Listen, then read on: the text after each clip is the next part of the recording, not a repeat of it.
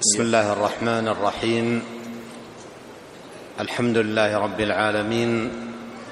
أحمده تبارك وتعالى حمدا كثيرا طيبا مباركا فيه كما يحب ربنا ويرضى وأشهد أن لا إله إلا الله وحده لا شريك له وأشهد أن محمدا عبده ورسوله.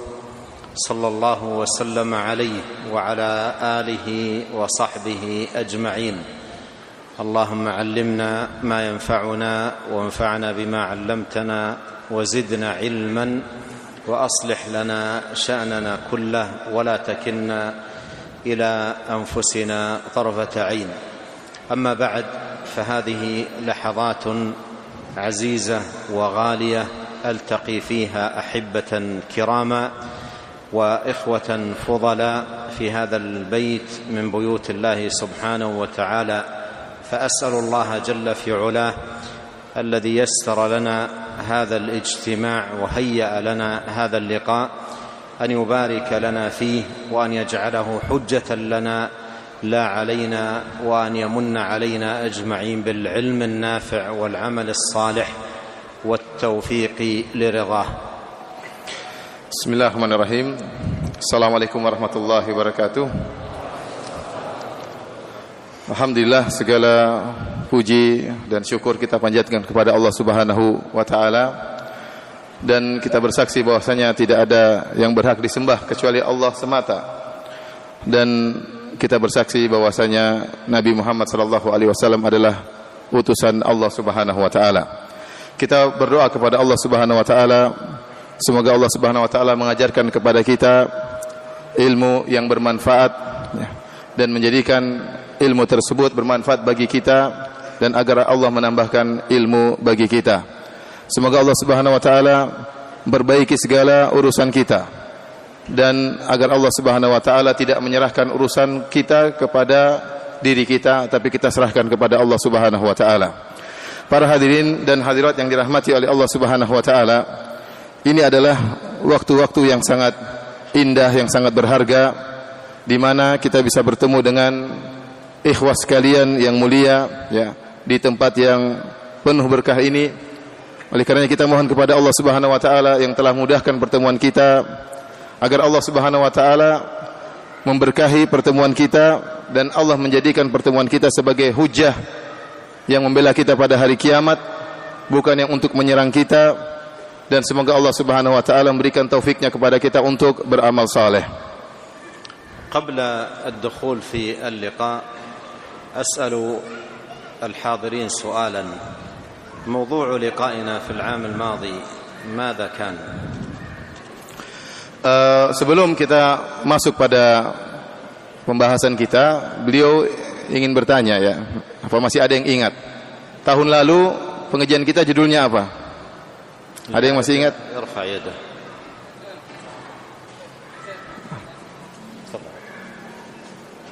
تفضل Silakan. dari mana kau mengambil akidah? Saudara dari mana kau, kau mengambil akidah? Baik. Sahih. يقول يا أخي من أين تأخذ مصدر عقيدتك؟ صدر العقيده عقيده إن شاء الله.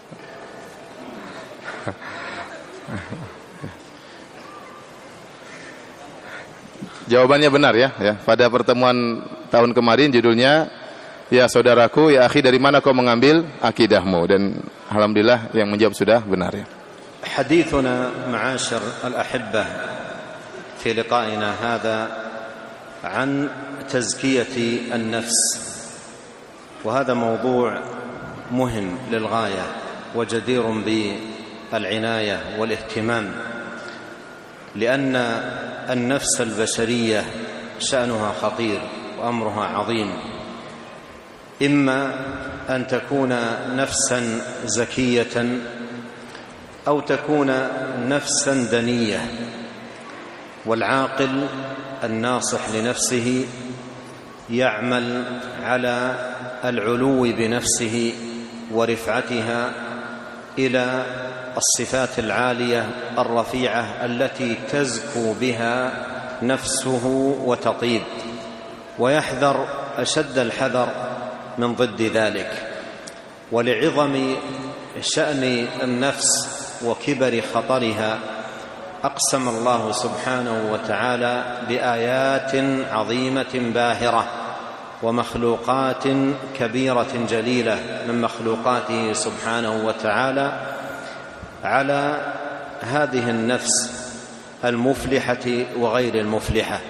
قال الله تعالى والشمس وضحاها والقمر إذا تلاها والنهار إذا جلاها والليل إذا يغشاها والسماء وما بناها والأرض وما طحاها ونفس وما سواها فألهمها فجورها وتقواها قد أفلح من زكاها وقد خاب من دساها.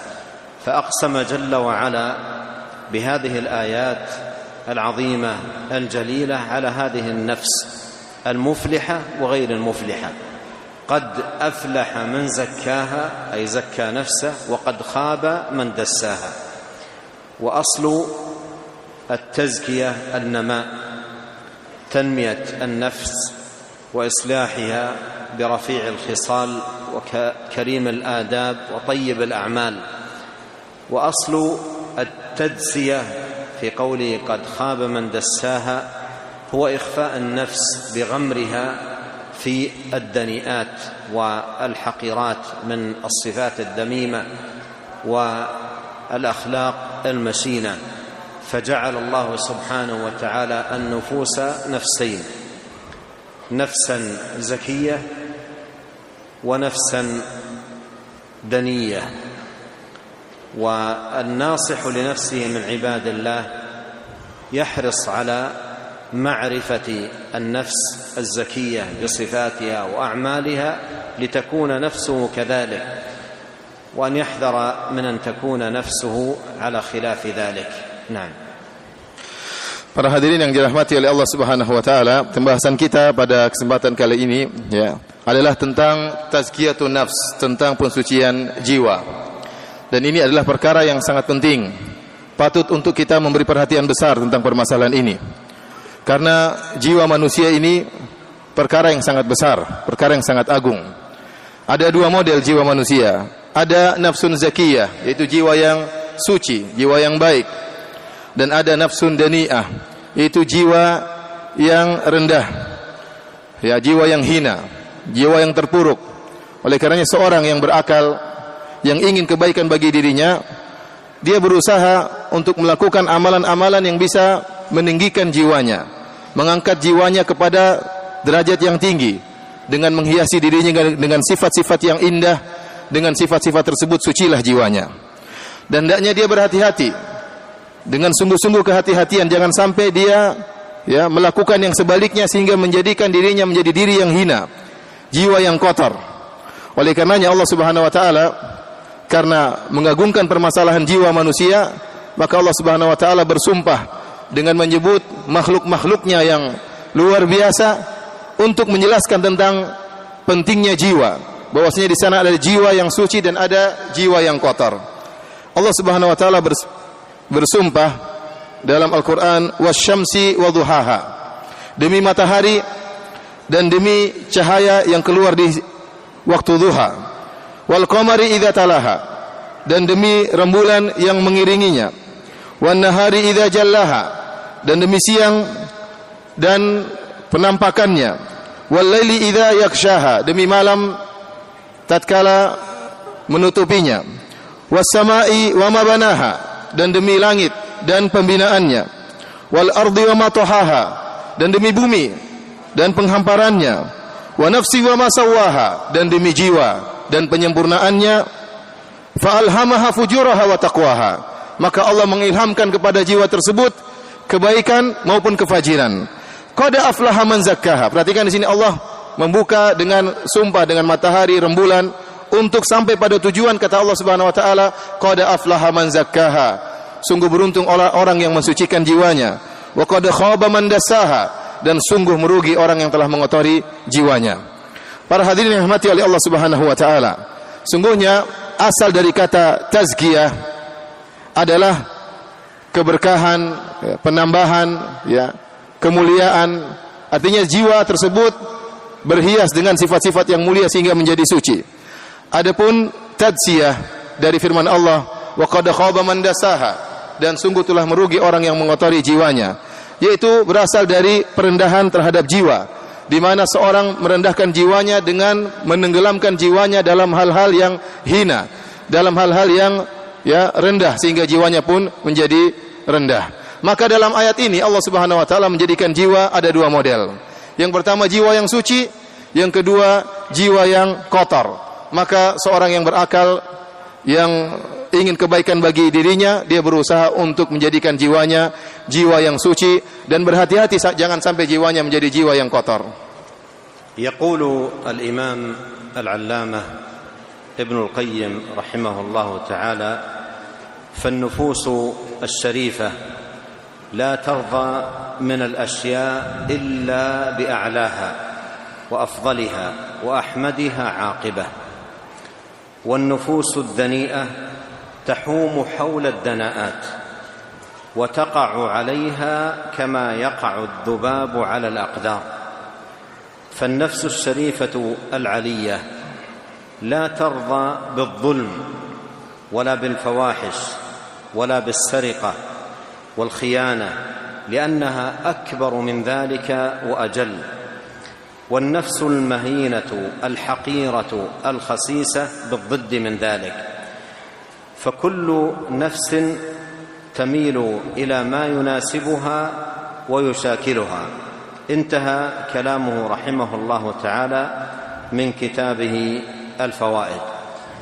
ولما كانت النفس معاشر الكرام بهذه الخطورة وبهذه الأهمية كان متأكدا على كل مسلم أن يعنى بنفسه وأن يعمل على تزكيتها. وفي لقائنا هذا أذكر بإذن الله سبحانه وتعالى عشر قواعد مهمة جدا تعين المسلم على تزكية نفسه وتضع كما يقال النقاط على الحروف فهي ضوابط مهمة بل هي من أهم ما يكون في هذا الباب العظيم الخطير Hadirin dan hadirat yang dirahmati oleh Allah Subhanahu wa taala, Al-Imam Ibnu Qayyim rahimahullahu taala menjelaskan tentang sifat jiwa, baik jiwa yang suci maupun jiwa yang kotor atau jiwa yang rendah. Beliau berkata bahwasanya jiwa yang mulia ya, tidak ridha dari perkara-perkara kecuali dia memilih perkara-perkara yang tinggi. Berusaha mencari perkara-perkara yang paling mulia, yang paling terpuji. Sebaliknya adapun jiwa yang rendah, maka dia berusaha berputar sekitar perkara-perkara yang rendah dan hina. Maka dia pun jatuh jiwa yang rendah tersebut pada perkara-perkara yang kotor. Sebagaimana lalat hanya singgah kepada tempat-tempat yang kotor. Adapun jiwa yang tinggi, jiwa yang mulia, maka dia tidak ridha untuk terjerumus dalam kezaliman, tidak mau untuk terjerumus dalam perbuatan-perbuatan keji, tidak mau terjerumus dalam pencurian, dalam pengkhianatan. Kenapa? Karena jiwa tersebut besar, tidak pantas baginya untuk terjerumus dalam hal-hal yang hina. Adapun jiwa yang rendah, jiwa yang hina, maka perkaranya sebaliknya. Ya, dia mencari perkara-perkara yang hina pula. Maka setiap jiwa akan mencari condong kepada perkara yang cocok dengan jiwa tersebut. Ya, kalau dia jiwa yang baik dia berusaha mencari perkara-perkara yang mulia. Kalau dia jiwa yang buruk dia mencari perkara-perkara yang yang buruk. Demikian perkataan Ibnu Qayyim dalam kitabnya Al-Fawaid. Dari sini para hadirin dan hadirat yang dirahmati oleh Allah Subhanahu wa taala kita tahu bahwasanya perkara jiwa ya adalah perkara yang sangat penting. Maka hendaknya seorang muslim benar-benar perhatian terhadap jiwanya sendiri. Bagaimana jiwanya bisa menjadi jiwa yang suci, bukan jiwa yang rendah. Maka dia berusaha untuk mensucikan jiwanya sehingga menjadi jiwa yang besar, kemudian berada di tingkat yang mulia. Oleh karenanya, dalam pertemuan kita kali ini, Syekh akan menjelaskan tentang 10 kaidah atau 10 kunci agar kita bisa mensucikan jiwa kita, agar jiwa kita menjadi jiwa yang tinggi, jiwa yang mulia, bukan jiwa yang rendah, jiwa yang kotor dan jiwa yang hina. Maka saya harapkan kepada para hadirin hadirat untuk benar-benar memperhatikan 10 poin tersebut. القاعدة الأولى التوحيد أصل ما تزكو به النفوس وكما يعلم الجميع التوحيد هو أصل الأصول وأساس الدين. بل لا قيام لدين الله جل وعلا إلا على التوحيد. والتوحيد هو الغاية التي خلق الله الخلق لأجلها وأوجدهم لتحقيقها كما قال الله سبحانه وتعالى وما خلقت الجن والإنس إلا ليعبدون قال تعالى وما أمروا إلا ليعبدوا الله مخلصين له الدين. وهو الغاية التي لأجلها أرسلت الرسل وأنزلت الكتب. ولقد بعثنا في كل أمة رسولا أن اعبدوا الله واجتنبوا الطاغوت. وهي المهمة الأولى للدعاة إلى الله. يا معاذ إنك تأتي قوما أهل كتاب فليكن اول ما تدعوهم اليه شهاده ان لا اله الا الله وفي روايه ان يوحدوا الله Adapun poin yang pertama atau kaidah yang pertama yang terpenting adalah tauhid ya. Bahwasanya tauhid adalah kunci utama yang menjadikan jiwa menjadi suci, menjadikan jiwa menjadi mulia, menjadikan jiwa menjadi tinggi. Karena kita tahu semuanya bahwasanya tauhid adalah pokok dari segala pokok ya. Perkara yang penting dari segala perkara yang yang penting. Dia adalah perkara yang terpenting. Karena tauhidlah maka Allah menciptakan alam semesta. Karena tauhidlah maka Allah menciptakan manusia. Ya. Karena tauhidlah Allah menciptakan manusia untuk merealisasikan masalah tauhid, untuk mewujudkan masalah tauhid. Apa kata Allah Subhanahu wa taala? "Wa ma khalaqtul jinna wal insa illa liya'budun." Dan tidaklah aku ciptakan jin dan manusia kecuali untuk mentauhidkan aku, untuk beribadah kepadaku. Ya. Allah berfirman, "Wa umiru illa liya'budullaha mukhlishina lahuddin." Dan tidaklah mereka diperintahkan kecuali untuk mengikhlaskan peribadatan hanya kepada Allah Subhanahu wa taala. Demikian juga karena tauhid maka Allah mengirim para rasul. Karena tauhid, maka Allah turunkan kitab-kitab suci. Kata Allah Subhanahu wa taala, "Wa laqad ba'atsna fi kulli ummatin rasulan an ibudullaha wajtanibut tagut." Sungguh kami telah mengutus bagi setiap umat seorang rasul yang menyuruh kepada kaumnya, sembahlah Allah saja dan jauhilah tagut. Kemudian juga tauhid adalah perkara yang pertama yang harus diperhatikan oleh para dai.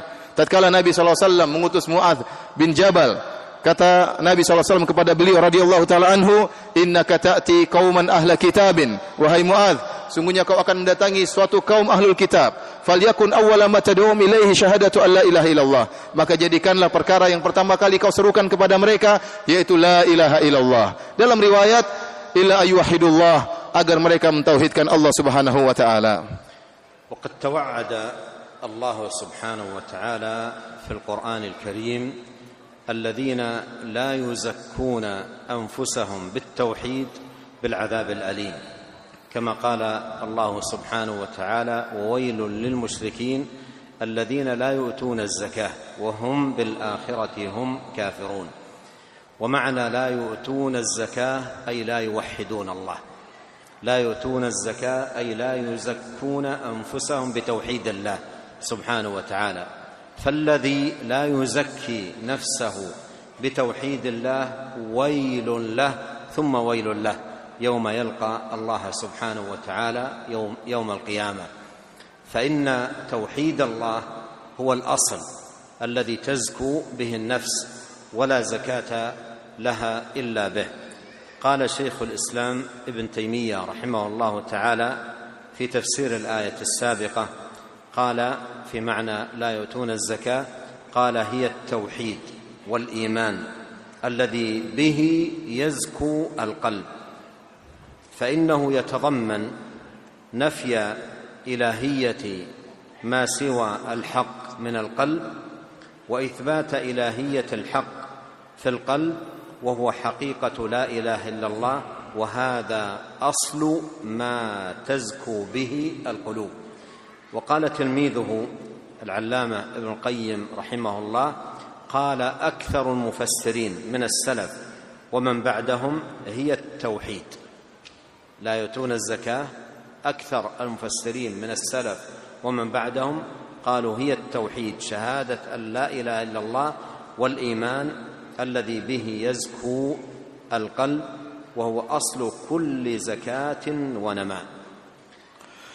Para dan hadirat yang dirahmati oleh Allah Subhanahu wa taala, sungguh Allah Subhanahu wa taala dalam Al-Qur'an telah mengancam orang-orang yang tidak mentazkiyah tidak mensucikan diri mereka dengan tauhid. Ya. Allah ancam mereka dengan adab yang pedih. Tatkala mereka tidak mensucikan jiwa mereka dengan tauhid. Allah Subhanahu wa taala berfirman, "Wa wailul lil musyrikin." Dan celakalah orang-orang musyrikin. Siapa mereka? Alladzina la yu'tuna zakata wa hum bil akhirati hum kafirun. Itu orang-orang yang tidak mentazkiyah diri mereka. Orang-orang yang tidak mensucikan diri mereka. Kemudian mereka kafir kepada hari akhirat. Makna dari firman Allah, alladzina la yu'tuna zakat, ya, kebanyakan ahli tafsir mengartikan bahwasanya itu orang-orang yang tidak mensucikan diri mereka dengan tauhid. Karena Allah berfirman di awal ayat, celaka bagi orang-orang musyrikin yang tidak mensucikan diri mereka. Artinya mereka tidak bertauhid. Mereka tidak menjadikan tauhid sebagai pensuci diri mereka. Oleh karenanya Ibnu Ibnu Taimiyah rahimahullahu taala tatkala menafsirkan ayat ini beliau berkata, yang dimaksud dengan mereka tidak mensucikan diri mereka, artinya mereka tidak mensucikan diri mereka dengan tauhid, tidak beriman kepada Allah Subhanahu wa taala, yang dengan tauhid dan iman tersebut maka hati pun menjadi suci. Karena tauhid tersebut mengandung ya penafian terhadap penyembahan terhadap selain Allah Subhanahu wa taala, mengeluarkan penyembahan terhadap selain Allah dari hati seorang manusia. Kemudian memantapkan penetapan tentang penyembahan terhadap Allah semata dalam hati manusia. Maka dengan demikian jadilah hati menjadi suci. Oleh karenanya pokok yang paling utama untuk bisa mensucikan hati adalah dengan tauhid. Adalah dengan tauhid. Orang semakin mantap tauhidnya semakin suci hatinya. Ini penjelasan Ibnu Taimiyah rahimahullahu taala. Ini juga diikuti oleh muridnya Al-Allamah Ibnu Al-Qayyim rahimahullahu taala. Beliau berkata, Qala aktsarul mufassirin, kebanyakan ahli tafsir tatkala menafsirkan ayat ini, alladzina la yu'tuna zakat, celaka orang-orang musyrikin yang mereka tidak mensucikan diri mereka. Kebanyakan ahli tafsir mengatakan dari kalangan salaf ataupun setelah mereka, maksudnya mereka tidak bertauhid. Mereka tidak mengucapkan la ilaha illallah, mereka tidak beriman dengan iman yang bisa mensucikan hati mereka. Dan tauhid adalah pokok dari segala pensucian. Wa idza kana التوحيد هو أصل ما تزكو به النفوس وتطيب به القلوب فإن ضده وهو الشرك بالله سبحانه وتعالى هو أشد شيء يدنس النفوس ويقدرها بل لا أشد منه في ذلك. ولهذا إذا وجد الشرك في المرء أحبط عمله كله وأفسده كله. كما قال الله سبحانه وتعالى ولقد أوحي إليك وإلى الذين من قبلك لئن أشركت ليحبطن عملك ولتكونن من الخاسرين. بل الله فاعبد وكن من الشاكرين. وأيضا كان شأنه في الخطورة أنه الذنب الوحيد الذي إن مات عليه صاحبه فلا مطمع له في مغفرة الله. إن الله لا يغفر أن يشرك به ويغفر ما دون ذلك لمن يشاء ومن يشرك بالله فقد حرم الله عليه الجنة ومأواه النار وما للظالمين من أنصار Tatkala kita mengetahui bahwasanya perkara yang paling utama mensucikan jiwa adalah tauhid, maka dari sini bisa kita pahami perkara yang paling mudah mengotori hati seseorang, menjadikan jiwanya menjadi rendah dan hina adalah kesyirikan. Ini yang paling berbahaya. Oleh karena jika kesyirikan berada bercokol dalam jiwa seseorang, dalam hati seseorang, maka akan merusak seluruhnya, merusak seluruh amalannya amalannya rusak hancur gara-gara kotoran tersebut. Allah Subhanahu wa taala berfirman, "Wa laqad uhiya ilaika wa ilal ladzina min qablik la in asyrakta la yahbatanna 'amaluka wa la takunanna minal khasirin." Sungguh telah diwahyukan kepada engkau wahai Muhammad dan juga kepada nabi-nabi sebelum engkau kalau engkau berbuat kesyirikan maka akan gugur seluruh amalanmu dan sungguh benar-benar engkau akan termasuk dari orang-orang yang merugi. Dan ketahuilah bahwasanya syirik ini sangat berbahaya. Di antara bahayanya adalah dialah satu-satunya dosa yang tidak akan diampuni oleh Allah Subhanahu wa taala. Allah berfirman, "Innallaha la yaghfiru yushraka bih wa yaghfiru ma duna dzalika liman yasha." Kata Allah Subhanahu wa taala, sungguhnya Allah tidak mengampuni dosa kesyirikan dan Allah mengampuni dosa-dosa selain kesyirikan. Allah Subhanahu wa taala berfirman juga, "Innahu may yusyrik billah faqad harramallahu alaihi al-jannah wa ma'wahu an-nar wa ma lidh-dhalimin min ansar." Sungguhnya barang siapa yang berbuat kesyirikan, maka Allah haramkan surga baginya. Tempat kembalinya adalah neraka jahanam dan tidak ada penolong bagi orang-orang berbuat kesyirikan. Al-hasil annahu la zakata lin-nufus illa bitauhidillah. واخلاص الدين له ولا زكاه لها الا بالخلوص من الشرك والبراءه منه والبعد عنه وعن وسائله واسبابه Intinya para hadirin yang dirahmati oleh Allah Subhanahu wa taala, tidak mungkin seorang bisa mensucikan jiwanya. Tidak mungkin dia bisa membersihkan kalbunya kecuali dengan tauhid. Omong kosong kalau ada orang bersihkan hatinya ternyata dia tidak bertauhid. Ya. Kalau dia ingin mensucikan dirinya, meninggikan jiwanya, maka dia harus menjauhkan dirinya dari segala macam kesyirikan. Berlepas diri dari segala bentuk kesyirikan. Segala wasilah-wasilah dan sarana-sarana syirik harus dia jauhi. Ya, bukan cuma tidak bukan cuma dia tinggalkan, bahkan harus dia jauhi. Dengan demikian baru hatinya bisa menjadi hati yang bersih dan suci. القاعده الثانيه الدعاء مفتاح تزكيه النفوس وقد صح في الحديث عن نبينا صلى الله عليه وسلم أنه قال ليس شيء أكرم على الله من الدعاء. والدعاء مفتاح كل خير في الدنيا والآخرة وله أثر عظيم في فتح أبواب الخير ومجالاته وطرقه. ولهذا يقول شيخ الإسلام ابن تيمية رحمه الله في وصيته لأبي القاسم المغربي الدعاء مفتاح كل خير فكل خير يرجوه المرء ويطمع في نيله مفتاحه الدعاء. ولهذا من أراد زكاة نفسه فليقبل على الله سبحانه وتعالى بالدعاء وليكثر من دعاء الله وبخاصة الدعاء العظيم المأثور في سنة نبينا صلى الله عليه وسلم في هذا الباب باب التزكية وفي صحيح مسلم أن نبينا صلى الله عليه وسلم كان يقول في دعائه اللهم آت نفسي تقواها وزكها أنت خير من زكاها أنت وليها ومولاها. وكان من أكثر دعائه صلى الله عليه وسلم يا مقلب القلوب ثبت قلبي على دينك Para hadirin yang dirahmati oleh Allah Subhanahu wa taala, adapun kaidah yang kedua yaitu bahwasanya doa miftahu tazkiyatun nufus. Bahwasanya doa adalah kunci agar bisa meraih kesucian jiwa ya. Doa adalah kunci untuk bisa meraih ya kesucian jiwa. Dalam satu hadis Rasulullah SAW bersabda, "Laisa syai'un akrama 'ala Allah taala min doa." Tidak ada suatu perkara yang lebih mulia di sisi Allah seperti doa. Tidak ada perkara yang lebih mulia di sisi Allah seperti doa. Ini dalil menunjukkan bahwasanya doa adalah kunci dari segala kebaikan untuk meraih kebaikan di dunia maupun kebaikan di akhirat dan pengaruhnya sangat luar biasa ya. Barang siapa yang ingin meraih kebaikan apa pun maka raihlah dengan doa. Jangan ragu dengan doa. Doa ini kunci luar biasa karena segala perkara di tangan Allah. Kalau berkehendak maka mudah bagi Allah Subhanahu wa taala.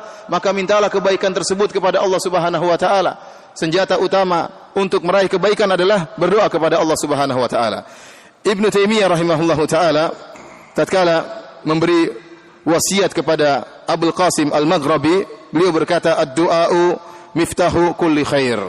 Kata beliau, doa adalah kunci dari segala kebaikan.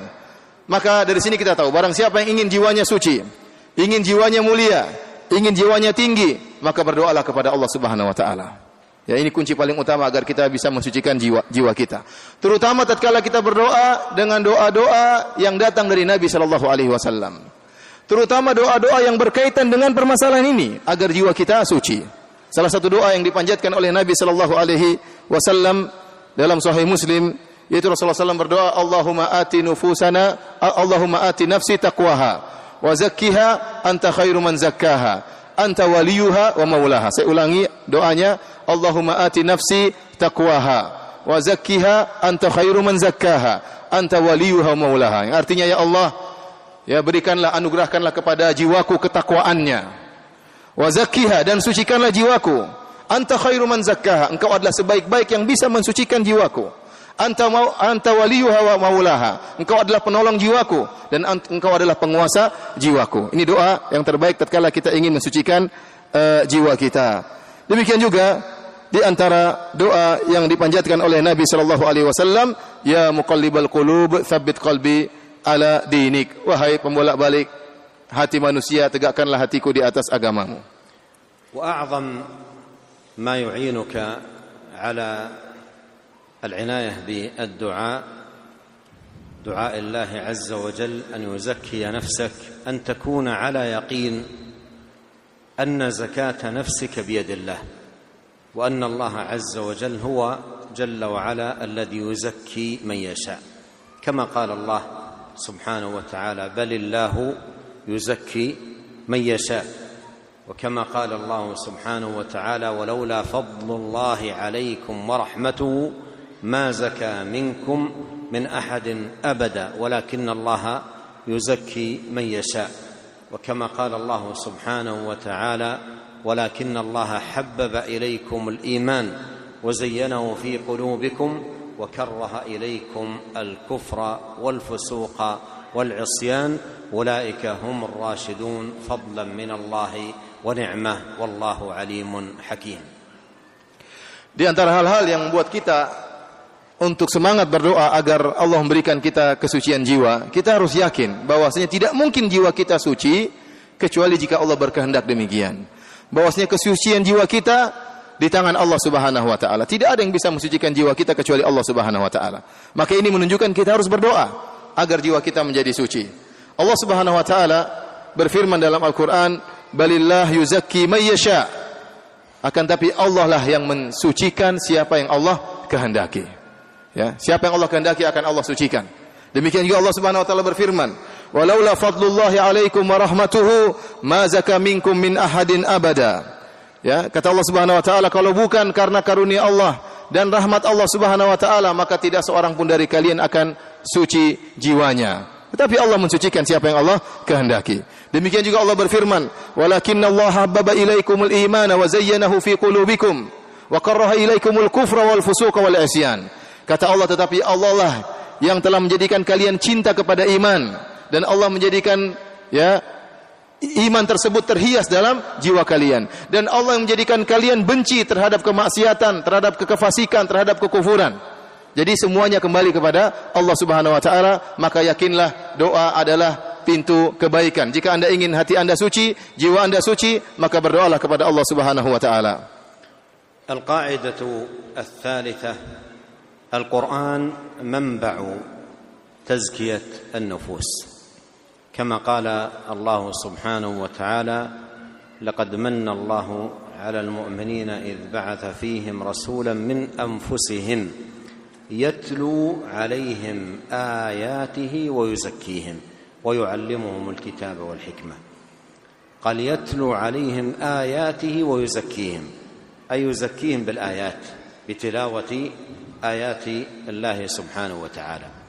فالقرآن هو كتاب الهداية. إن هذا القرآن يهدي للتي هي اقوم فلا سبيل إلى الهداية إلى زكاة النفس وصلاحها واستقامتها وشفائها من أسقامها وأمراضها وعللها إلا بالنهل من هذا الكتاب العظيم وكلما كان العبد اعظم نهلا من القران وتلقيا من القران كان ذلك اعظم في زكاه نفسه وصلاح قلبه Adapun kaidah yang ketiga, para hadirin yang rahmati Allah Subhanahu wa taala, bahwasanya Al-Qur'anul Karim manba'ut tazkiyah, ya, wa ma'inuha. Bahwasanya Al-Qur'anul Karim adalah sumber pensucian jiwa, ya. Sumber pensucian jiwa. Sungguhnya Allah Subhanahu wa taala berfirman, "Wa laqad laqad manna Allahu 'alal mu'minin idz ba'atha fihim rasulan min anfusihim yatlu 'alaihim ayatihi." Sungguh Allah telah memberi anugerah kepada kaum mukminin. Tatkala Allah mengirim kepada mereka seorang rasul dari diri-diri mereka yatlu alaihim ayatihi.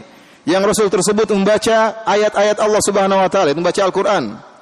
Wa yuzakkihim dan rasul tersebut mensucikan mereka wa yuallimuhumul kitaba wal hikmah dan mengajarkan kepada mereka Alkitab dan Al-Hikmah perhatikan dalam ayat ini Allah Subhanahu wa taala berfirman di antara fungsi Rasul tersebut yatlu alaihim ayatihi.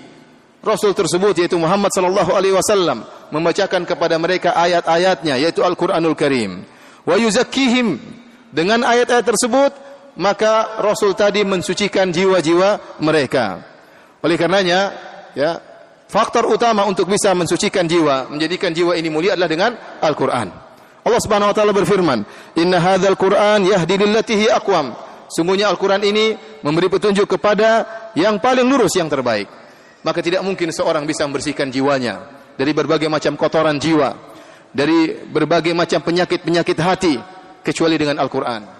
Semakin seorang banyak membaca Al-Qur'an, semakin seorang banyak mengambil faedah dari Al-Qur'an, maka semakin suci jiwanya, semakin bersih hatinya dari berbagai macam-macam kotoran-kotoran hati dan semakin tinggi jiwanya pula. ولتزكو نفس المرء بالقرآن لا بد أن يحقق ما دل عليه قول الله سبحانه وتعالى الذين آتيناهم الكتاب يتلونه حق تلاوته لا بد من تحقيق هذا المعنى يتلونه حق تلاوته. أما القراءة المجردة التي لا يكون فيها تحقيق هذا المعنى الذي دلت عليه هذه الآية لا يحصل به المرء هذا المطلب العظيم. قال الذين آتيناهم الكتاب يتلونه حق تلاوته. وقد قرر أهل العلم في كتب التفسير من الصحابة ومن اتبعهم بإحسان أن تلاوة القرآن حق التلاوة تكون بأمور ثلاثة بالقراءة والحفظ والأمر الثاني التدبر والفهم للمعاني والأمر الثالث العمل والتطبيق. فإذا كان المرء معتنيا بالقرآن قراءة وتدبرا وعملا بالقرآن كان من التالين للقرآن حق التلاوة. ولهذا ينبغي أن يعلم أن العمل بالقرآن نفسه يعد تلاوة للقرآن. ليست تلاوة القرآن مجرد القراءة بل العمل بالقرآن يعد تلاوة للقرآن لأن أصل التلاوة الاتباع. ومنه قول الله تعالى والقمر إذا تلاها أي تبعها. فلا يكون المرء تاليا للقرآن حق التلاوة إلا إذا عمل بالقرآن واهتدى بهدايات هذا الكتاب العظيم Dan agar seorang jiwanya menjadi suci dengan Al-Quran, maka dia harus mengamalkan firman Allah Subhanahu wa taala. Jadi pertanyaan, bagaimana cara kita mensucikan jiwa kita dengan Al-Qur'an? Caranya wujudkan firman Allah, "Alladzina atainahumul kitaba yatlunahu haqqa tilawatih." Allah berfirman, dan orang-orang yang kami berikan kepada mereka Alkitab dan mereka membacanya bertilawah dengan benar-benar tilawah. Ya. Banyak orang tatkala mendengar kalimat tilawah disangka artinya membaca. Ini perlu diluruskan ya. Jadi firman Allah alladzina atainahumul kitaba yatlunahu haqqa tilawati. Dan orang-orang yang kami berikan kepada mereka Alkitab dan mereka bertilawah Alkitab tersebut dengan tilawah yang sesungguhnya. Apa yang dimaksud dengan tilawah di sini ya? Para ahli para ulama ya, terutama dalam buku-buku tafsir yang menjelaskan tentang tafsiran para sahabat, para tabi'in, mereka menjelaskan makna tilawah itu bukan hanya sekedar membacanya saja ya. Sebagaimana dipahami oleh banyak orang namanya tilawahnya sekedar membaca. Padahal tidak. Namanya tilawah secara bahasa Arab asalnya asalnya artinya adalah mengikuti. Asalnya artinya mengikuti. Seperti firman Allah Subhanahu wa taala wal qamari idza talaha demi rembulan yang mentilawahnya maksudnya demi rembulan yang mengikuti matahari jadi tilawah dalam bahasa Arab artinya adalah mengikuti oleh karena yang dimaksud dengan tilawah Al-Quran pada hakikatnya bukan sekedar membaca tetapi mengumpulkan tiga perkara. Yang pertama adalah membacanya, ya, tentu dengan baca dengan baik. Yang kedua adalah mentadaburinya, memahami maknanya. Yang ketiga mengamalkannya. Yang ketiga mengamalkannya. Maka seorang baru bisa jiwanya menjadi suci, bukannya sekedar membaca. Dia berusaha pelajari isi Al-Quran tersebut, dan yang paling penting dia berusaha untuk mengamalkannya. Maka barang siapa yang telah mengamalkan Al-Quran, berarti dia telah benar-benar tilawah terhadap Al-Quran tersebut, dan semakin suci jiwanya. القاعدة الرابعة في هذا الباب باب تزكية النفوس اتخاذ الاسوه والقدوه فان من أراد أن يزكي نفسه لا بد أن يتخذ لنفسه أسوة يقتدي به. وقد قال الله سبحانه وتعالى لقد كان لكم في رسول الله أسوة حسنة لمن كان يرجو الله واليوم الآخر. قال الحافظ ابن كثير رحمه الله تعالى هذه الآية الكريمة أصل كبير في التاسي بالرسول صلى الله عليه وسلم في اقواله وافعاله واحواله Adapun kaidah yang keempat yaitu menjadi mencari teladan yang benar, mencari teladan yang benar. Dalam hal ini adalah kita menjadikan Rasulullah SAW sebagai teladan karena dia adalah orang yang paling sempurna dalam mensucikan jiwanya. Maka kita meniru bagaimana cara Nabi Shallallahu Alaihi Wasallam mensucikan jiwanya. Jangan sampai salah dalam mengambil contoh untuk mensucikan jiwa. Allah Subhanahu Wa Taala berfirman, "Laqad kana lakum fi Rasulillahi uswatun hasanah." liman kana yarjullaha wal yawmal akhir. Sungguh bagi kalian ada teladan yang terbaik pada jiwa Rasulullah sallallahu alaihi wasallam, yaitu bagi orang yang mengharapkan Allah Subhanahu wa taala hari akhirat. Ibnu Katsir rahimahullahu taala tatkala mengomentari ayat ini beliau berkata, ini adalah ayat yang mulia, ya. Ayat mulia ini merupakan pokok yang besar dalam sebagai dalil untuk bertaasi untuk berteladan kepada Rasulullah sallallahu alaihi wasallam dalam perkataannya, dalam perbuatan-perbuatannya dan dalam segala kondisi beliau sallallahu alaihi wasallam. نعم لا يمكن ان تزكو النفوس وتطيب إلا باتباع الرسول عليه الصلاة والسلام والسير على منهاجه القويم. قال الله تعالى قل إن كنتم تحبون الله فاتبعوني يحببكم الله ويغفر لكم ذنوبكم والله غفور رحيم. قال الحسن البصري رحمه الله زعم قوم قالوا إنا نحب ربنا حبا شديدا فأنزل الله قوله قل إن كنتم تحبون الله فاتبعوني يحببكم الله.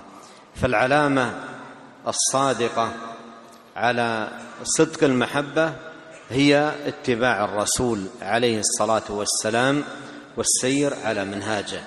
ولهذا يجب على المسلم أن يحذر في هذا الباب من الطرق التي يحدثها أهل الضلال وأهل الباطل والتي يزعمون أنها تزكي النفوس في سبل يخترعونها وطرق يحدثونها ليس عليها دليل ولا أصل لها من كتاب الله وسنة نبيه صلى الله عليه وسلم. فكل ما أحدثه الناس من طرق يزعم أنها تفضي إلى زكاة النفس فهي في الحقيقة لا تفضي إلى ذلك وانما الذي تنال به زكاه النفوس هو اتباع الرسول صلى الله عليه وسلم Para hadirin yang dirahmati oleh Allah Subhanahu wa taala, sungguh benar bahwasanya tidak mungkin jiwa itu menjadi mulia, menjadi suci, menjadi tinggi kecuali dengan mengikuti Rasulullah sallallahu alaihi wasallam dan berjalan di atas manhaj Nabi sallallahu alaihi wasallam. Allah berfirman, "Qul in kuntum tuhibbunallaha fattabi'uni yuhibbukumullah." Katakanlah wahai Muhammad kepada mereka, kalau kalian benar-benar cinta kepada Allah maka ikutilah aku, Muhammad sallallahu alaihi wasallam. Yuhibbukumullah maka niscaya Allah akan cinta kepada kalian. Al Hasan Al Basri rahimahullahu taala berkata, sebagian orang menyangka bahwasanya mereka cinta kepada Allah dengan cinta yang sesungguhnya.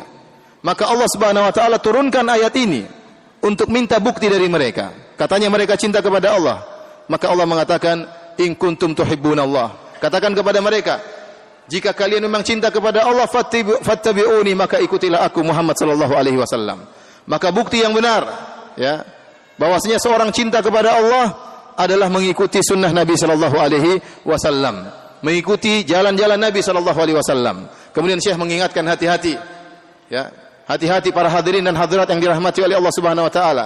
Jangan terpedaya dengan cara-cara mensucikan jiwa yang dilakukan oleh sebagian orang yang mereka membuat torikoh-torikoh, jalan-jalan, metode-metode untuk bisa mensucikan jiwa. Menurut persangkaan mereka, tapi tidak sesuai dengan jalan yang diajarkan oleh Rasulullah sallallahu alaihi wasallam. Maka seluruh metode, seluruh cara, cara begini, cara begitu, cara bersemedi, cara dan macam-macam yang mereka ada-adakan yang tidak diajarkan oleh Nabi sallallahu alaihi wasallam, maka tidak mungkin untuk mensucikan jiwa seseorang. Pensucian tersebut hanyalah pensucian semu, bukan pensucian, bukan ketinggian jiwa yang dikehendaki oleh Allah Subhanahu wa taala. Maka tidak mungkin seorang bisa mensucikan jiwanya kecuali dengan metode yang diajarkan oleh Rasulullah sallallahu alaihi wasallam. Kita yakin Rasulullah SAW adalah orang yang paling suci jiwanya. Siapa yang mengatakan lebih suci daripada Nabi sallallahu alaihi wasallam? Maka kalau ingin bisa suci, ikuti jalan Nabi sallallahu alaihi wasallam. Bukan mengikuti jalan-jalan yang dibuat oleh orang-orang untuk menyaingi cara-cara Nabi sallallahu alaihi wasallam. يقول العلامه ابن القيم رحمه الله تزكية النفوس أصعب من علاج الأبدان وأشد. فمن زكى نفسه بالرياضة والمجاهدة والخلوة التي لم يجيء بها الرسول أو لم يجيء بها الرسل هو كالمريض الذي يعالج نفسه برأيه. وأين يقع رأيه من معرفة الطبيب؟ فالرسل أطباء القلوب فلا سبيل إلى تزكيتها وصلاحها إلا من طريقهم وعلى أيديهم وبمحض الانقياد والتسليم لهم. والله المستعان. انتهى من كتابه رحمه الله تعالى مدارج السالكين. Al-Imam Ibnu Qayyim rahimahullahu taala punya perkataan yang sangat indah tentang ini, tentang hati-hati waspada dengan metode-metode orang untuk mensucikan jiwa yang tidak dicontohkan oleh Nabi wasallam. Beliau berkata, "Tazkiyatun nufus as'abu min ilajil abdan." Kata beliau, mensucikan jiwa itu, membersihkan jiwa dari penyakit-penyakit jiwa, dari penyakit-penyakit hati, lebih susah daripada mengobati badan. Ada penyakit badan, ada sakitnya, bisa disembuhkan lebih susah tatkala menyembuhkan jiwa, ya membersihkan jiwa dari kotoran-kotorannya. Maka kata beliau barang siapa yang mensucikan jiwanya dengan cara ya latihan tertentu ya kemudian bersemedi ya, menyepi misalnya ya, dan cara-cara yang tidak pernah diajarkan oleh Nabi Shallallahu alaihi wasallam maka orang ini ibarat seorang yang sedang sakit kemudian dia menyembuhkan dirinya dengan ide dia bukan dengan resep dokter ya. Mungkin begini, mungkin begini, mungkin begini, maka tidak akan sembuh. Kemudian kata beliau, "Far rusul atibbaul qulub." Dan para rasul adalah dokter jiwa. Dokter hati para rasul. Kalau ingin hati bersih, ambil resep dari mereka. Jangan pakai ide sendiri, jangan pakai ide orang lain, jangan pakai model-model orang lain. Maka tidak ada jalan untuk bisa mensucikan jiwa dan membersihkan jiwa kecuali dengan cara dan metode para rasul melalui tangan mereka dengan tunduk dan taslim dan menyerahkan diri kepada metode Rasulullah sallallahu alaihi wasallam. Itulah cara mensucikan jiwa. Bukan dengan ide-ide sendiri, dengan metode-metode sendiri seperti orang sakit yang menyembuhkan dirinya dengan idenya bukan dengan resep tabib atau resep dokter. Al-qa'idah al-khamisah tazkiyat an-nufus wa. والتخلية قبل التحلية. لا بد في تزكية النفوس من هذين الأمرين. تخلية القلوب أي تنقيتها وتطهيرها من كل ما يشينها من الصفات الذميمة والخصال القبيحة. ثم من بعد ذلك تحلية القلوب أي بالفضائل و الأعمال الصالحة الزاكية الطيبة. قال الله سبحانه وتعالى خذ من أموالهم صدقة تطهرهم وتزكيهم بها وصل عليهم فإن صلاتك سكن لهم. تطهرهم وتزكيهم. جمع بين الأمرين التطهير والتزكية. التطهير التنقية. والنظافه والنزاهه والنقاء والتزكيه عماره القلب وملؤه بالخيرات والطاعات والاعمال الزاكيات Kaidah yang kelima yaitu takhliyah qabla tahliyah. Untuk mensucikan jiwa yang dilakukan adalah pembersihan setelah itu baru penghiasan. Jiwa dibersihkan terlebih dahulu kemudian di, dihiasi. Itu maksudnya dari takhliyah ya, pembersihan sebelum pensucian. Ya. Jadi yang dimaksud dengan takhliyah yaitu membersihkan jiwa dari sifat-sifat yang rendah, dari sifat-sifat yang tercela, dari sifat-sifat yang hina, dari berbagai macam kemaksiatan. Itu namanya takhliyah, mensucikan jiwa. Setelah itu baru kemudian tahliyah, menghiasi jiwa.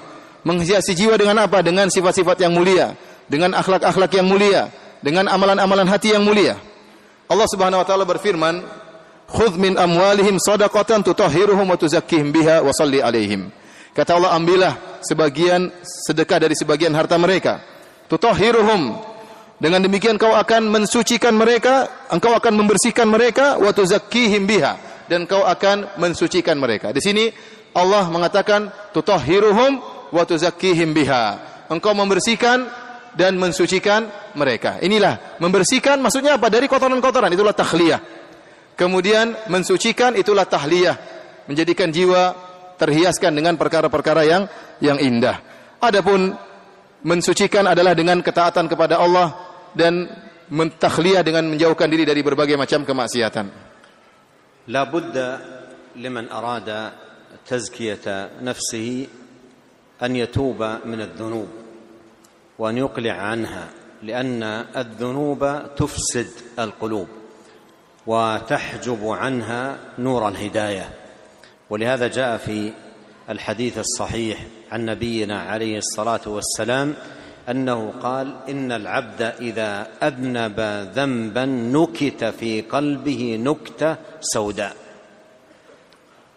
فإذا أقلع صقل إذا لابد من في, في هذا المقام مقام تزكية النفس أن يتوب من الذنب لأن الذنب يفسد القلب من جهة ويحجب عنه نور الهداية من جهة أخرى. فإذا أقلع عن الذنب صقل أصبح يرى النور ويرى الهداية ويرى الخير. فإذا الخطوة الأولى الإقلاع عن الذنب الذي يفسد القلب ويحجب عنه نور الهداية. والخطوة الثانية أن يجاهد نفسه من بعد ذلك على عمارة قلبه بالصالحات والطاعات والعبادات والله يقول والذين جاهدوا فينا لنهدينهم سبلنا وإن الله لمع المحسنين Dari sini kita ketahui bahwasanya orang yang ingin mensucikan jiwanya, menjadikan jiwanya tinggi, menjadikan jiwanya mulia, maka dia harus bertobat kepada Allah Subhanahu wa taala. Kenapa? Kita sudah sepakat tadi untuk mensucikan jiwa harus tahliyah qabla tahliyah. Pembersihan dahulu, kotoran-kotoran dihilangkan. Setelah kotoran-kotoran dihilangkan baru kita hias dengan keindahan-keindahan. Maka pertama kali Langkah pertama agar kita bisa mensucikan jiwa kita adalah dengan bertobat kepada Allah Subhanahu wa taala dari dosa-dosa yang kita lakukan. Kenapa para hadirin? Karena dosa-dosa ya merusak hati seseorang, merusak jiwa seseorang, mengotori, menajiskan hati seseorang. Ini pertama, dia merusak jiwa seseorang. Yang kedua, dia menghalangi cahaya hidayah dari Allah Subhanahu wa taala. Ada hidayah yang masuk nggak bisa masuk. Ya. Ada petunjuk yang masuk dalam jiwanya nggak bisa masuk. Kenapa? Ada dosa yang menghalanginya. Hatinya masih penuh dengan dosa sehingga hidayah sebab-sebab hidayah tidak bisa masuk ke dalam jiwanya. Dan ini sudah diisyaratkan oleh Nabi SAW dalam satu hadis. Kata Nabi SAW, Innal abda idha akhta'a khati'ah. Sungguhnya hamba jika melakukan satu dosa, nukitat fi qalbihi nuktatan sauda. Maka di, di, diberi tanda hitam, titik hitam dalam hatinya tatkala dia bermaksiat. Semakin dia banyak bermaksiat, semakin banyak warna hitam meliputi hatinya. Semakin banyak semakin meliputi hatinya. Kalau hatinya sudah hitam, susah cahaya bisa masuk, susah petunjuk bisa masuk. Ya. Tetapi kalau dia akla, dia bertobat, maka lah sukhil, maka akan lepaslah kotoran-kotoran hitam tersebut. Maka mulailah dia bisa melihat cahaya hidayah. Mulailah dia bisa menghiasi jiwanya. Maka seorang berusaha untuk membersihkan ya jiwanya dengan pertama kali bertobat kepada Allah Subhanahu wa taala setelah itu baru dia berusaha untuk menghiasi jiwanya dengan perkara-perkara yang mulia dan Allah berfirman walladzina jahadu fina lanahdiyannahum subulana barang siapa yang berusaha untuk mencari keridhaan Allah Subhanahu wa taala maka Allah akan bukakan baginya jalan-jalan kebaikan قال ابن تيميه رحمه الله في تقرير هذا المعنى يقول فالتزكيه وان كان اصلها النماء والبركة وزيادة الخير فإنما تحصل بإزالة الشر. فلهذا صار التزكي يجمع هذا وهذا. يقول رحمه الله فلهذا صار التزكي يجمع هذا وهذا يجمع التخلية والتحلية يجمع التنقية والإصلاح للقلب بالأعمال as-salihah. Oleh karenanya Ibnu Taimiyah rahimahullah taala tatkala menjelaskan makna ini bahwasanya tazkiyah mensucikan jiwa itu harus dengan membersihkan. Kata beliau, meskipun secara bahasa tazkiyah itu artinya perkembangan, pertambahan, artinya menanamkan keindahan-keindahan dalam jiwa, tetapi ini tidak mungkin bisa diwujudkan kecuali dengan menghilangkan keburukan-keburukan dengan menghilangkan keburukan-keburukan. Oleh karenanya, kalau orang ingin mensucikan jiwanya, kata beliau, harus ya jema' hadza wa.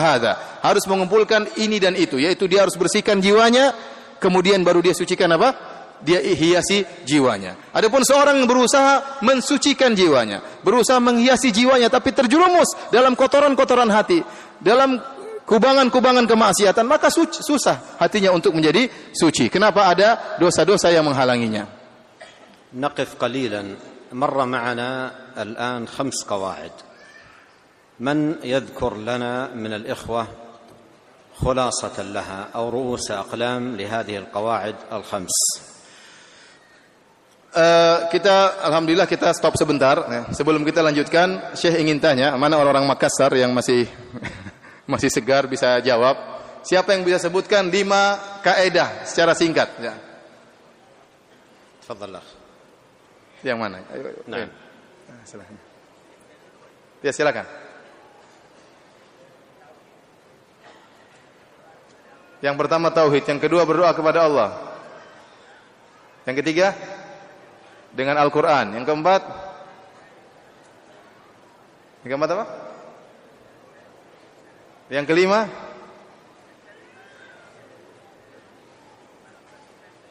Masya Allah, Masya Allah. Jamil, atihillah. Kasih hadiah. Silakan, silakan. Sini sih, Pak.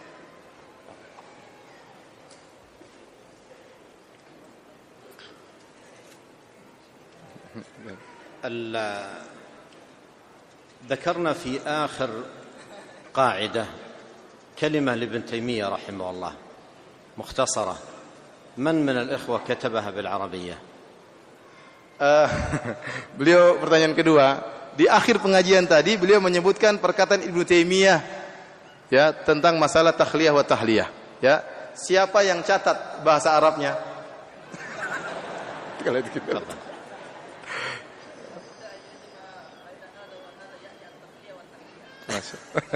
خلاص خلاص هذه خلاصه كلامه ماشي مقبول Ya, silakan sini, silakan. Masya Allah. Tidak sama persis tapi dibenarkan sajalah.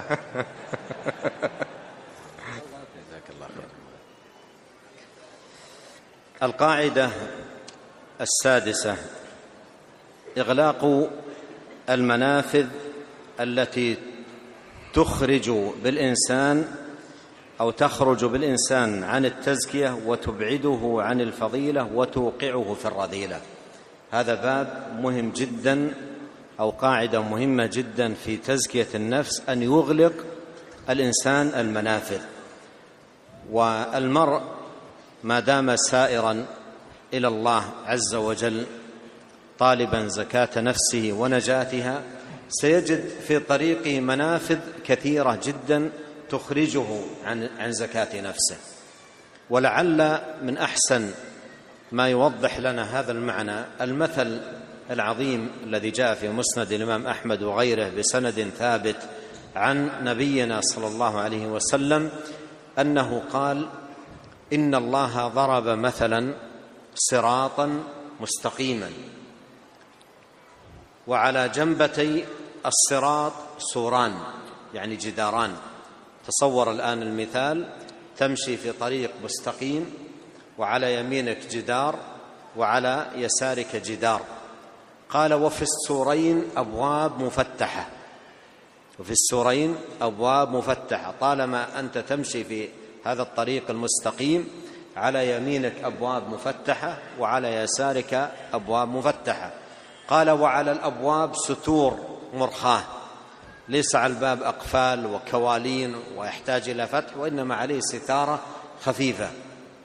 أبواب كثيرة جدا ممتدة على هذا الصراط المستقيم على يمينك وعلى شمالك. وداع يدعو من أول الصراط. يا عباد الله ادخلوا الصراط ولا تعوجوا. وداع يدعو من جوف الصراط. يا عبد الله لا تفتح الباب فإنك إن فتحته تلج. ثم بين ذلك قال أما الصراط فهو الإسلام. وأما السوران فهما حدود الله.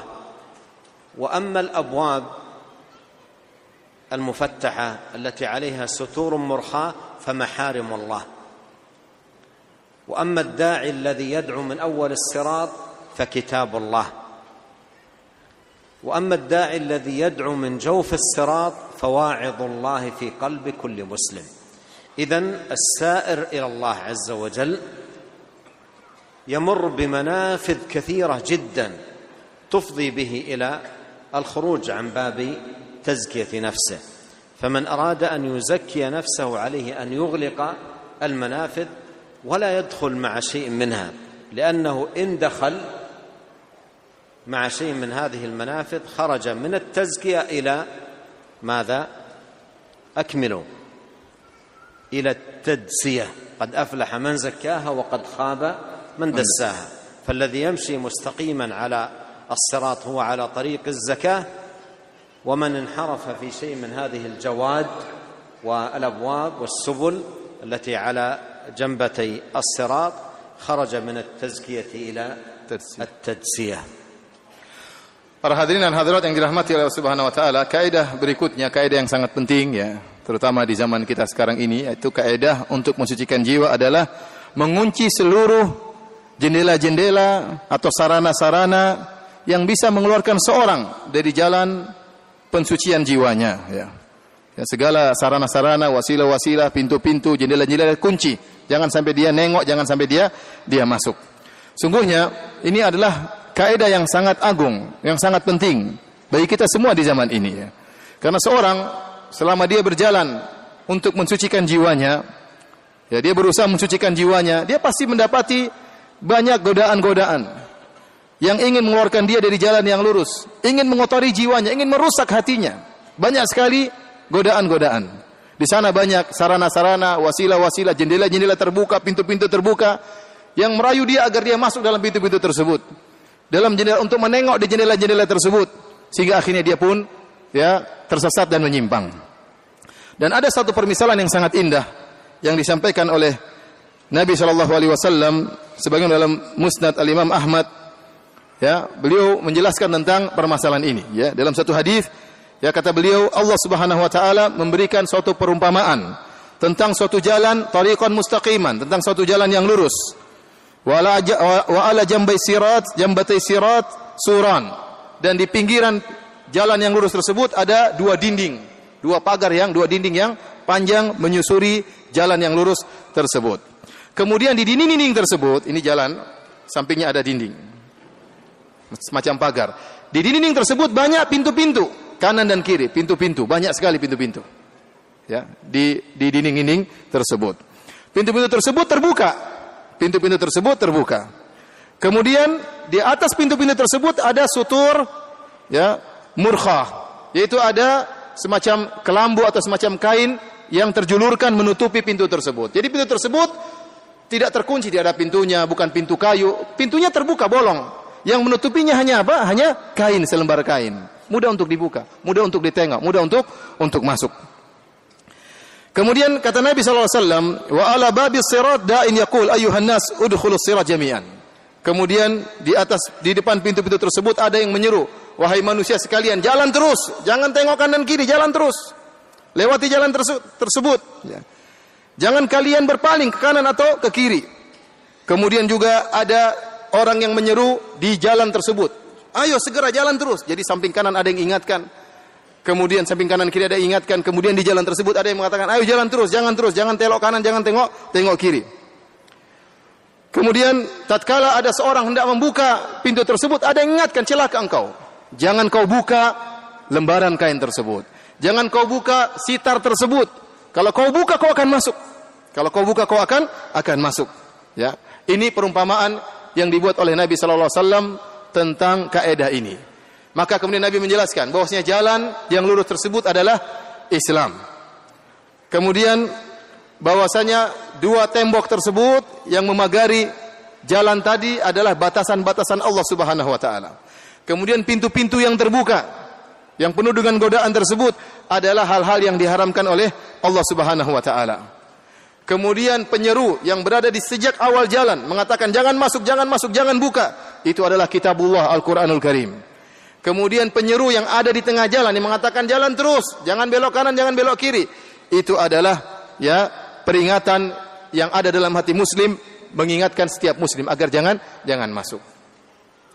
المثال الذي ذكرنا قال والداعي الذي من اول الصراط القران الكريم هذا يؤكد على المعنى الذي ذكرناه قاعدة. اولا ان منبع التزكيه هو القران ولا زكاه الا به Dan perumpamaan yang dibuat oleh Nabi sallallahu alaihi wasallam bahwasanya dai yang menyuruh sejak awal jalan, jangan belok kanan, jalan belok kiri, jalan terus.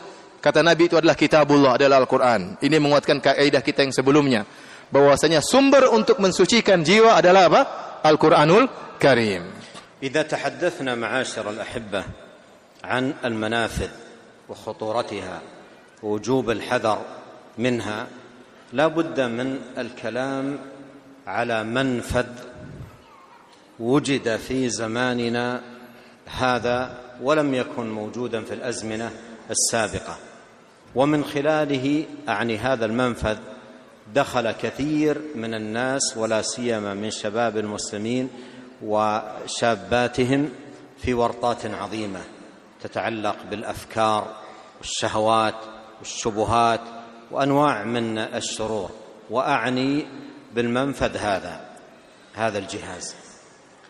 هذا منفذ أصبح في زماننا خطير جدا على كثير من الشباب والشابات وكثير منهم دخلوا من خلاله على أبواب من الشرور التي تمرض القلوب وتبعدها عن التزكية. إذا من أراد تزكية نفسه عليه أن يغلق المنافذ. لا أقول يغلق الجوال الجوال مصلحة ومنفعة وفي فوائد كثيرة جدا لكن عليه أن أن يكون على حذر شديد صيانة لنفسه. وحفظا لها من الشبهات والشهوات. أليس الله سبحانه وتعالى يقول قل للمؤمنين يغضوا من أبصارهم ويحفظوا فروجهم ذلك أزكى لهم؟ إن الله خبير بما يصنعون. أكثر ما يصل إلى القلب مما يمرضه ويفسده ويبعده عن التزكية من طريق النظر ومن طريق السمع. وهذان حاصلان في مثل هذه الاجهزه Para hadirin yang dirahmati oleh Allah Subhanahu wa taala, tatkala kita menjelaskan tentang bahayanya pintu-pintu yang terbuka tersebut, sarana-sarana, jendela-jendela yang terbuka dan hanya ditutupi dengan kain yang sangat mudah untuk dibuka, maka kita harus membicarakan tentang salah satu jendela tersebut, salah satu pintu tersebut yang ada di zaman kita. Yang belum ada dahulu di zaman sebelum kita. Ya. Saya menjelaskan bahwasanya ya jendela ini atau pintu ini sarana ini belum ada di zaman salaf tapi baru ada di zaman kita sarana tersebut adalah apa HP ya adalah HP ya. maka beliau mengatakan betapa banyak orang-orang kaum muslimin terutama para pemuda dan para pemudi yang melalui HP tersebut jendela ini akhirnya terperangkap terjerumus dalam berbagai macam kerusakan. Baik kerusakan pemikiran baik dalam syubhat-syubhat demikian juga syahwat-syahwat yang menghancurkan mereka. Ya. Oleh karenanya seorang harus berhati-hati dengan HP ya. Maka jendela ini harus ditutup. Kata Syekh bukan berarti HP-nya kita tutup terus enggak. Karena HP itu banyak manfaatnya. Tetapi harus berhati-hati ya Karena HP ini bisa membuka berbagai macam cakrawala yang mengantarkan seorang ke dalam kerusakan, syubhat maupun syahwat dengan HP tersebut. Oleh karenanya dengan seorang masuk dalam jendela tersebut, menengok dalam jendela tersebut, maka akan rusaklah hatinya. Akan jauhlah hatinya dari kesucian jiwa. Akan terkotorilah jiwanya. Tatkala dia mulai coba-coba untuk masuk dalam jendela tersebut. Dan Allah Subhanahu wa taala telah mengingatkan kita ya dalam firman-Nya qul lil mu'minina yaghuddu min absarihim wa yahfazu furujahum dzalika azka lahum innallaha khabirum bima yasnaun. Kata Allah Subhanahu wa taala katakanlah kepada kaum mukminin agar mereka menundukkan pandangan mereka dan agar mereka menjaga kemaluan mereka hal ini azka lahum lebih mensucikan mereka. Innallaha khabirum bima yasnaun sungguhnya Allah Maha mengetahui apa yang mereka lihat apa yang mereka lirik apa yang mereka kerjakan Ya, dalam ayat ini ya seakan-akan Allah menjelaskan bahwasanya perkara yang paling banyak merusak sucinya jiwa seseorang adalah disebabkan karena pandangan. Ya. Dan dua hal yang paling banyak merusak sucinya jiwa seorang adalah dua, yaitu pandangan dan pendengaran dan dua-duanya ada pada HP. Seorang mengambil informasi merasuk dalam jiwanya, merasuk dalam hatinya dengan apa yang dia pandang, dengan apa yang dia dengar dengan HP-nya. Oleh karena seorang harus berhati-hati tatkala menggunakan HP-nya. القاعدة السابعة تذكر الموت ولقاء الله سبحانه وتعالى. والله عز وجل يقول يا أيها الذين آمنوا اتقوا الله ولتنظر نفس ما قدمت لغد. وهذه الآية تعد أصلا في باب محاسبة النفس. وفي الحديث الصحيح يقول نبي نبينا صلى الله عليه وسلم أكثر من ذكر هادم اللذات يعني الموت.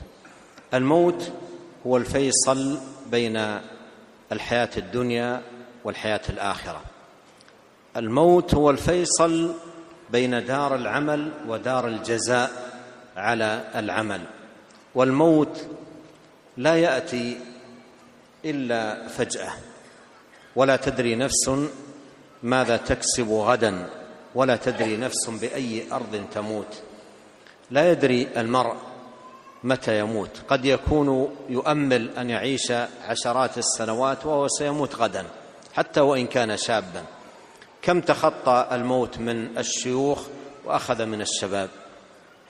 ولهذا ينبغي على المرء أن يكون دائما على ذكر للموت وتذكر للموت لأن تذكر الموت يعين إعانة عظيمة على تزكية النفس.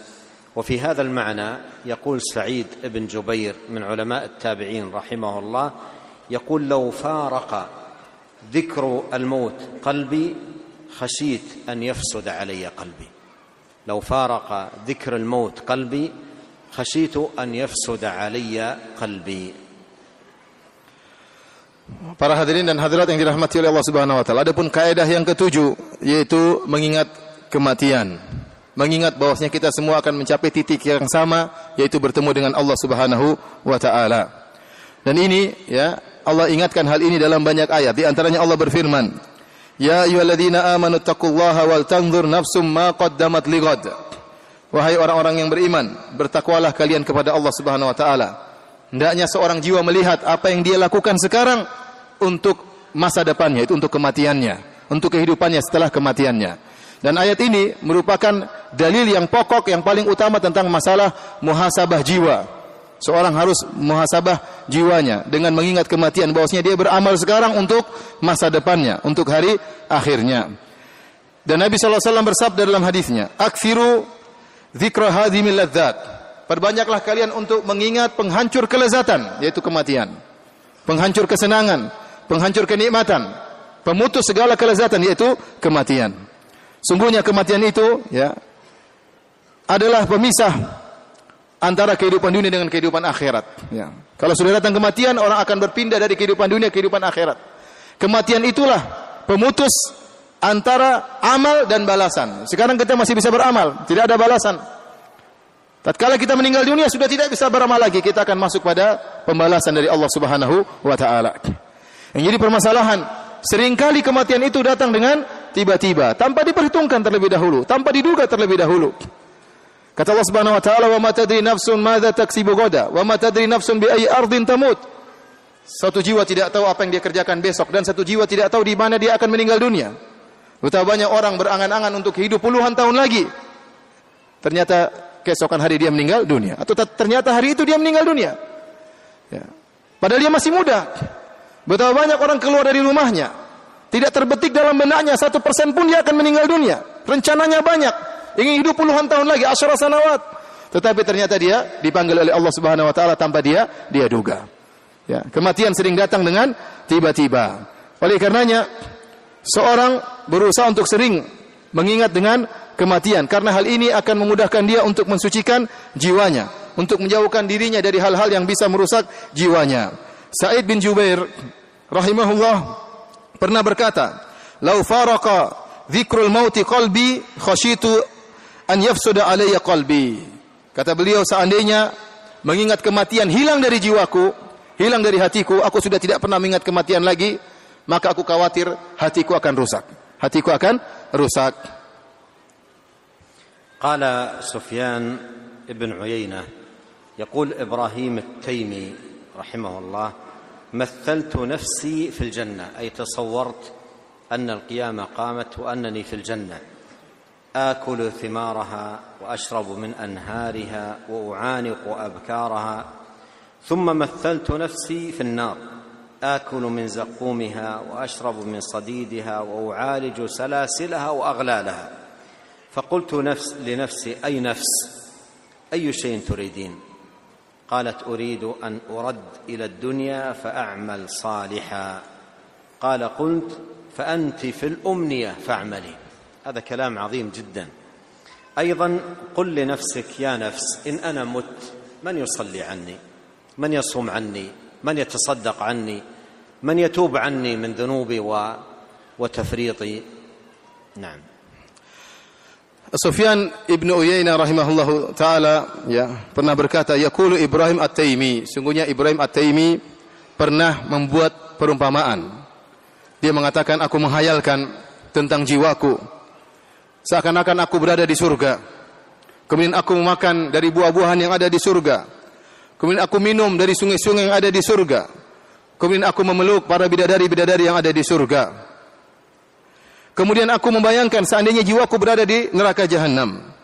Aku makan dari buah zakum yang ada di neraka jahanam. Aku minum dari nanah-nanah yang ada di neraka jahanam.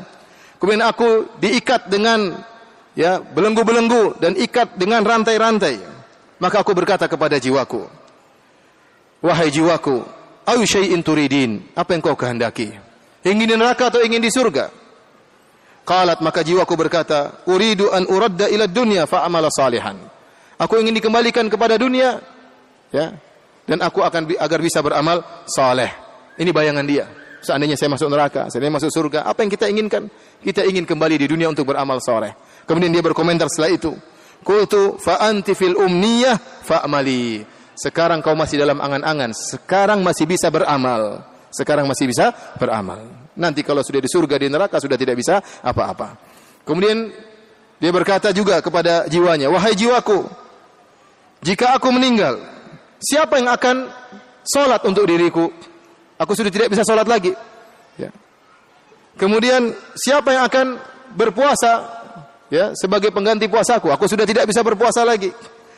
Siapa yang mau bertobat untukku? Aku sudah tidak bisa bertobat lagi. Sudah meninggal sudah tidak bisa bertobat. Selesai. Kemudian siapa yang bisa memohon ampunan untuk dosa-dosaku dan pelanggaran-pelanggaranku?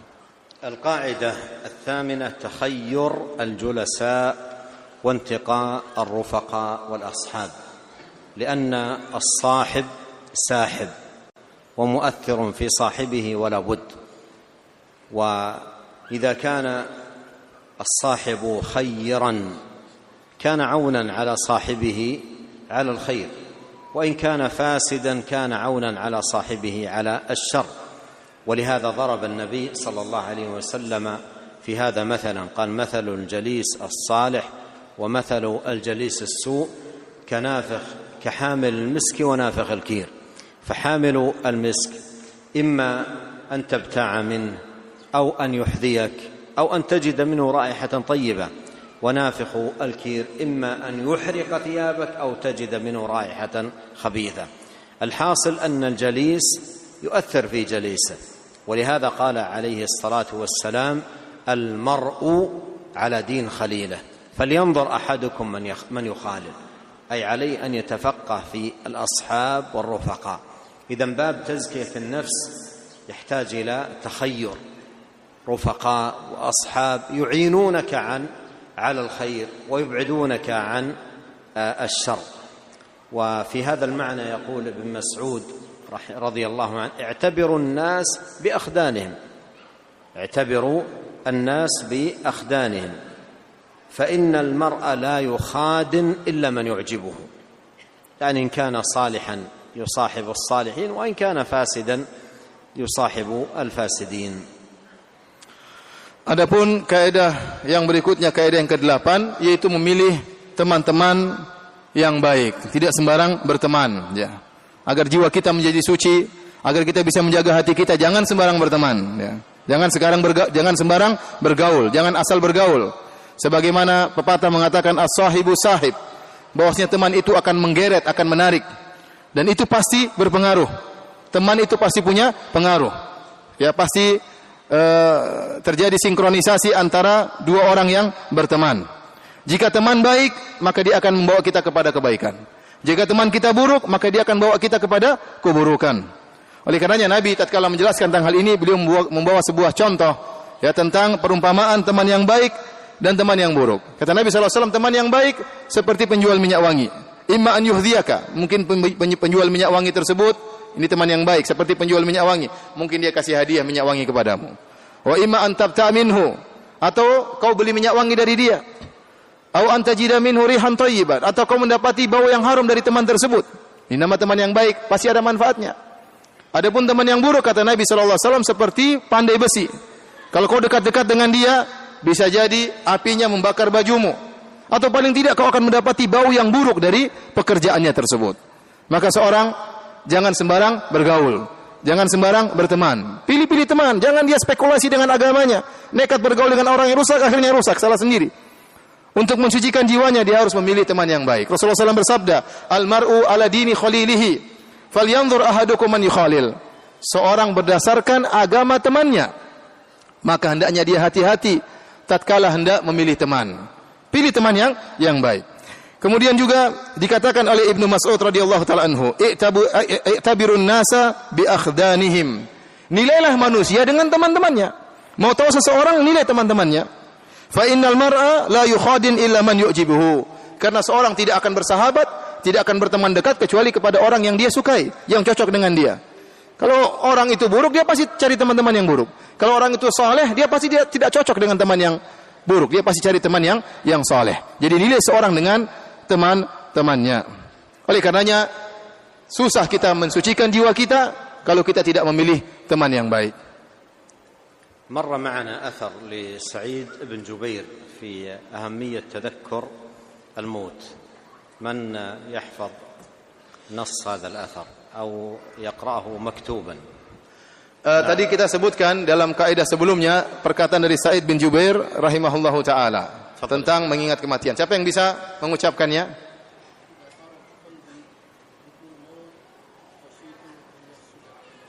Ahsan, jazakallahu ya. khairan. Masya Allah, jazakallah khairan. Ya memang Ustaz masalahnya bisa jawab. Silakan Ustaz.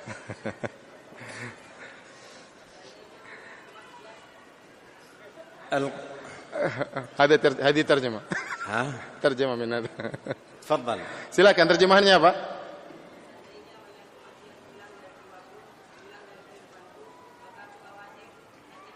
Masya Allah.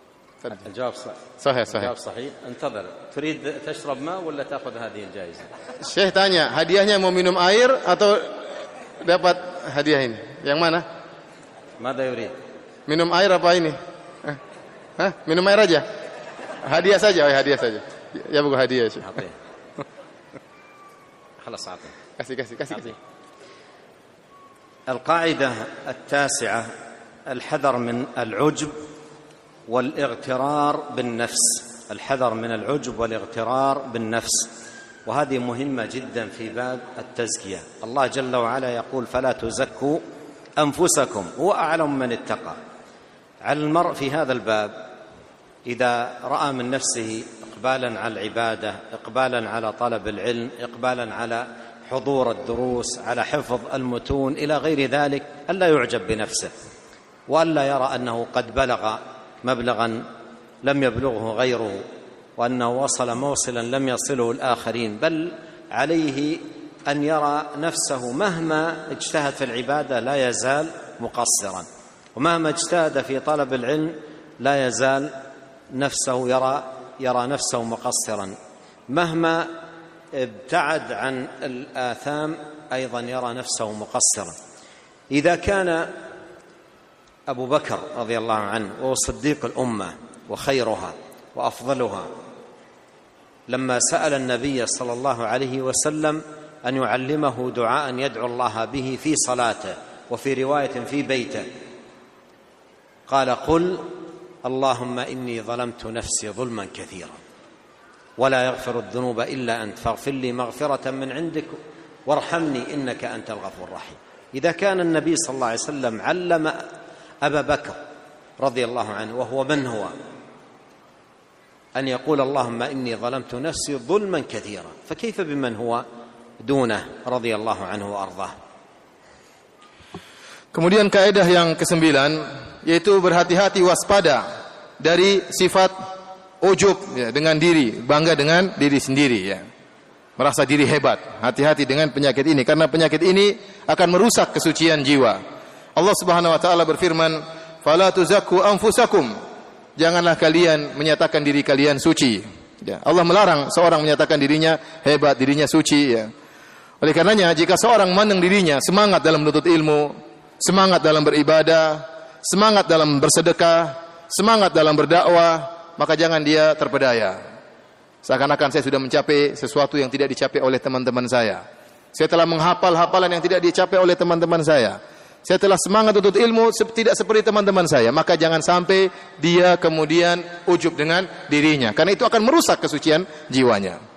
Demikian juga jika seorang berhasil menjauhkan dirinya dari berbagai macam kemaksiatan. Dia tidak begini, tidak begitu, orang-orang terjerumus. Jangan juga dia kemudian ujub dengan dirinya. Jangan dia ujub dengan ini karena semua itu tidak mungkin dia lakukan kecuali dengan izin Allah Subhanahu wa taala. Ya, barang siapa yang ujub dengan dirinya, maka dia telah merusak kesucian jiwanya. Perhatikan Abu Bakar radhiyallahu taala anhu. Kita tahu siapa Abu Bakar? Orang terbaik dari umat ini. Ya, yang dijamin masuk surga oleh Nabi sallallahu alaihi wasallam. Suatu hari Abu Bakar datang kepada Nabi sallallahu alaihi wasallam minta diajarin sebuah doa yang dia baca dalam salatnya. Dalam riwayat dia baca dalam rumahnya. Minta doa, berarti ingin doa yang terbaik buat dia. Apa doa yang diajarkan oleh Nabi kepada Abu Bakar radhiyallahu taala anhu? Yaitu doa Allahumma inni zalamtu nafsi zulman katsiran wa la yaghfiru dhunuba illa ant faghfir li maghfiratan min indik warhamni innaka anta al-ghafurur rahim. Yang artinya, Ya Allah, sungguhnya aku telah menzalimi jiwaku dengan kezaliman yang banyak. Bayangkan ini Abu Bakar ngomong demikian. Tidak merasa ujub, tidak merasa saya sudah hebat banyak beribadah, saya sudah banyak bersedekah buat Islam, padahal luar biasa amal ibadahnya. Tapi dalam doanya dia mengatakan inni dzalamtu nafsi zulman katsira. Ya Allah, sungguh aku telah menzalimi diriku, aku telah berbuat banyak dosa. Dan tidak ada yang bisa mengampuni dosa-dosaku kecuali Engkau ya Allah. Ini diucapkan oleh Abu Bakar radhiyallahu taala Jika Abu Bakar doanya seperti ini, tidak ujub dengan dirinya dan Nabi mengajarkan kepada dirinya untuk mengakui dosa-dosanya bagaimana lagi dengan dengan kita yang penuh dengan kekurangan. يقول الله سبحانه وتعالى في صفات المؤمنين الكمل في سورة المؤمنون يقول والذين يؤتون ما آتوا وقلوبهم وجلة أنهم إلى ربهم راجعون والمعنى يقدمون ما يقدمون من طاعات وعبادات وقربات وهم خائفون ألا تقبل منهم. ولهذا جاء في المسند للإمام أحمد أن عائشة أم المؤمنين رضي الله عنها سألت النبي صلى الله عليه وسلم عن معنى هذه الآية. قالت يا رسول الله أهو الرجل يزني ويسرق ويقتل ويخاف أن يعذب؟ قال لا يا ابنة الصديق ولكنه الرجل يصلي ويصوم ويتصدق ويخاف ألا يقبل. Allah Subhanahu wa taala berfirman tatkala menjelaskan tentang sifat-sifat orang yang keimanannya sempurna. Keimanannya sempurna. Allah Subhanahu wa taala berfirman tentang sifat-sifat mereka, para penghuni surga yang iman mereka sempurna. Kata Allah, "Walladzina yu'tuna ma atau wa qulubuhum wajilatun annahum ila rabbihim raji'un." Dan orang-orang yang telah melakukan amal soleh apa yang telah mereka lakukan. Wa qulubuhum wajilah sementara hati mereka ada rasa takut. Annahum ila rabbihim raji'un karena mereka takut dikembalikan kepada Allah ya. Jadi ayat ini menjelaskan tentang orang-orang yang beramal soleh banyak ya. Mereka mungkin bersedekah, mereka mungkin salat, mereka mungkin berdakwah, mereka melakukan banyak amal soleh ya. Namun mereka ada rasa takut. Waktu turun ayat ini ya, waktu dalam Al-Musnad Aisyah radhiyallahu taala anha pernah bertanya kepada Nabi tentang makna ayat ini. Ya karena kata Allah dan orang-orang yang telah melakukan apa yang telah mereka lakukan dalam kondisi hati mereka takut. Aisyah menyangka orang-orang yang takut ini adalah pelaku maksiat. Maka Aisyah bertanya kepada Nabi ya Rasulullah, apakah mereka ini yang minum khamar? Apakah mereka ini adalah orang-orang yang membunuh? Apakah mereka adalah orang yang mencuri sehingga rasa takut seperti itu? Kata Nabi SAW, La ya siddiq. Bukan demikian, wahai Aisyah putri Abu Bakar as-Siddiq. Sungguhnya justru mereka ini adalah orang-orang yang puasa, yang salat, yang bersedekah, tapi mereka khawatir pahala mereka tidak diterima oleh Allah Subhanahu wa taala. Mereka khawatir amalan mereka tidak diterima oleh Allah Subhanahu wa taala. Lihatlah mereka tidak ujub dengan amalan yang mereka lakukan, dengan salat mereka, dengan ibadah mereka, dengan dakwah mereka, dengan sedekah mereka, mereka tidak ujub. Mereka tetap takut kepada Allah Subhanahu wa taala. القاعدة العاشرة والأخيرة معرفة النفس لأن من أراد تزكية نفسه لا بد أن يعرف النفس ويعرف صفاتها يعرف أحوالها يعرف أمورها حتى يكون ذلك معونة له على تزكية نفسه. والله سبحانه وتعالى ذكر النفس في القرآن الكريم في مواطن وذكر لها صفات. فذكر النفس المطمئنة وذكر النفس اللوامة وذكر النفس الاماره بالسوء وهذه صفات للنفس لا بد من معرفه النفس ومعرفه صفاتها حتى يكون ذلك معونه للمرء على تزكيتها Adapun kaidah yang terakhir, kaidah yang 10 ya, agar seorang bisa mudah untuk mencucikan jiwanya, dia harus mengetahui sifat-sifat jiwa. Jiwa itu sifatnya bagaimana saja. Sehingga dia tahu bagaimana berinteraksi dengan jiwa ya. Dengan mengenal sifat-sifat jiwa dia mudah untuk berinteraksi dengan dengan jiwanya. Ternyata dalam Al-Qur'an Allah Subhanahu wa taala menyebutkan ada tiga model jiwa. Tiga model jiwa. Tiga model jiwa tersebut yang pertama adalah an-nafsu al-mutmainnah jiwa yang tentram jiwa yang tenang dengan penuh keimanan. Yang kedua namanya an-nafsul lawamah jiwa yang suka mencela. Mencela apa? Mencela kalau seorang sedang melakukan pelanggaran dicela oleh jiwa tersebut. Jangan melakukan, jangan melakukan, dicela jiwa. Ini jiwa yang baik. Yang ketiga adalah an-nafsu al-ammara bisu, jiwa yang menyeru kepada kemaksiatan. Jadi ada tiga jiwa. Pertama jiwa yang tenang, yang kedua jiwa yang suka mencela, dan yang ketiga adalah jiwa yang menyeru kepada menarik-narik kepada kemaksiatan. Maka seorang berusaha untuk mengenal sifat-sifat jiwa tersebut agar dia mudah berinteraksi dengan jiwanya untuk mensucikan jiwanya. وأكتفي هنا في هذا المقام بنقل مثل عظيم جدا للنفس ضربه الإمام ابن القيم رحمه الله تعالى. يقول النفس جبل عظيم شاق في طريق السير إلى الله عز وجل وكل سائر لا طريق له إلا على ذلك الجبل. فلا بد أن ينتهي إليه. ولكن منهم من هو شاق عليه ومنهم من هو سهل عليه وإنه ليسير على من يسره الله عليه. وفي ذلك الجبل أودية وشعوب وعقبات ووهود وشوك وعوسج وعليق وشبرق ولصوص يقطعون الطريق على السائرين ولا سيما أهل الليل المدلجين. فإذا لم يكن معهم عدد الإيمان ومصابيح اليقين تتقد بزيت الإخبات وإلا تعلقت بها تلك الموانع وتشبثت بها تلك القواطع وحالت بينهم وبين السير. فإن أكثر السائرين فيه رجعوا على أعقابهم لما عجزوا عن قطعه واقتحام عقباته. والشيطان على قلة ذلك الجبل أي اعلاه يحذر الناس من صعوده وارتفاعه ويخوفهم منه. فيتفق مشقة الصعود وقعود ذلك المخوف أي الشيطان على قلته وضعف عزيمة السائر ونيته فيتولد من ذلك الانقطاع والرجوع والمعصوم من عصمه الله.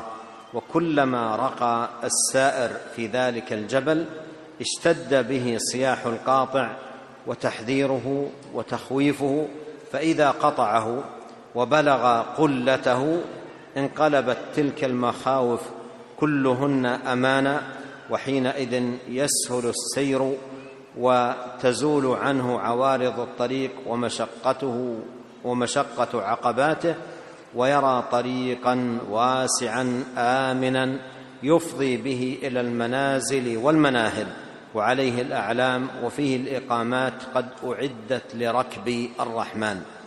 فبين العبد وبين السعادة والفلاح قوة عزيمة وصبر ساعه وشجاعه نفس وثبات قلب والفضل بيد الله يؤتيه من يشاء والله ذو الفضل العظيم Para hadirin dan hadirat yang dirahmati oleh Allah Subhanahu wa taala untuk menjelaskan tentang hakikat jiwa dengan uh, kesulitan yang dia hadapi ya kita akan membacakan perumpamaan yang dibuat oleh Al-Imam Ibnu Qayyim rahimahullahu taala ya beliau mengatakan bahwasanya jiwa itu ya ibarat seperti gunung yang besar yang sulit untuk ditempuh bagi orang yang berjalan menuju kepada Allah Subhanahu wa taala namun tidak ada jalan untuk menuju kepada Allah kecuali harus sampai di puncak gunung tersebut. Tetapi di antara mereka ada yang sangat berat untuk sampai ke puncak gunung. Dan di antara mereka ada yang mudah untuk sampai ke puncak gunung. Dan sungguhnya perkara itu mudah bagi yang dimudahkan oleh Allah Subhanahu wa taala. Ternyata di gunung tersebut banyak lembah-lembah, banyak syu'ub, banyak jalan yang berkelok-kelok, banyak halangan-halangan, banyak lubang-lubang, banyak duri-duri, ya, banyak ya hal-hal yang bisa mengkaitnya, ya. Dan di situ juga ternyata banyak pencuri-pencuri, perampok-perampok yang suka merampok orang-orang yang lewat di jalan tersebut, terutama orang-orang yang berjalan di waktu malam. Maka jika seorang tatkala berjalan menempuh jalan tersebut, tidak menyiapkan dirinya dengan persiapan iman, tidak menerangi jalannya dengan lampu keyakinan, yang disertai dengan minyak yang bisa menyalakan lampu tersebut dengan minyak kerendahan di hadapan Allah Subhanahu wa taala maka dia akan terperangkap maka dia akan terjebak maka dia akan mundur dan dia akan tertangkap oleh perampok-perampok tersebut sungguhnya kebanyakan orang-orang yang berjalan menuju puncak gunung tersebut mereka akhirnya pulang kembali tatkala mereka tidak mampu untuk melewati halangan-halangan tersebut dan ketahuilah bahwasanya setan berada di atas puncak gunung tersebut kemudian mengingatkan, menakut-nakuti manusia yang ingin berjalan menuju puncak gunung tersebut. Maka berkumpullah pada usaha tersebut perkara-perkara yang sulit. Yang pertama ada setan yang menakut-nakuti. Yang kedua sulitnya untuk menanjak gunung tersebut.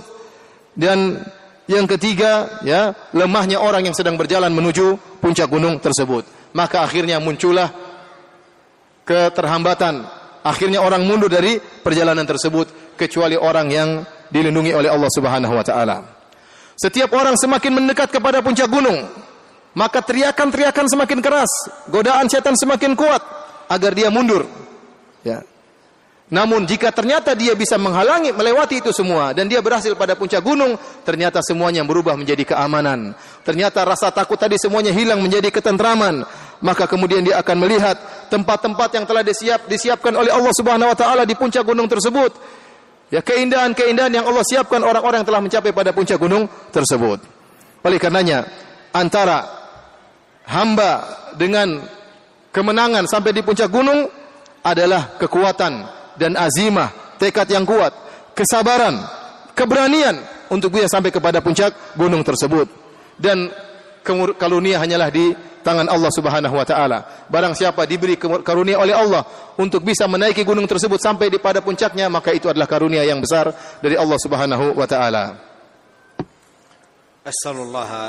الكريم رب العرش العظيم أن ينفعنا أجمعين بما علمنا وأن يزيدنا علما وتوفيقا وأن يصلح لنا شأننا كله. إنه تبارك وتعالى سميع قريب. اللهم آت نفوسنا تقواها زكها أنت خير من زكاها أنت وليها ومولاها. اللهم اقسم لنا من خشيتك ما يحول بيننا وبين معاصيك. ومن طاعتك ما تبلغنا به جنتك ومن اليقين ما تهون به علينا مصائب الدنيا. اللهم متعنا بأسماعنا وأبصارنا وقوتنا ما أحييتنا واجعله الوارث منا واجعل ثأرنا على من ظلمنا وانصرنا على من عادانا. ولا تجعل مصيبتنا في ديننا ولا تجعل الدنيا أكبر همنا ولا مبلغ علمنا. ولا تسلط علينا من لا يرحمنا. سبحانك اللهم وبحمدك أشهد أن لا إله إلا أنت أستغفرك وأتوب إليك. اللهم صل وسلم على عبدك ورسولك نبينا محمد وآله وصحبه أجمعين.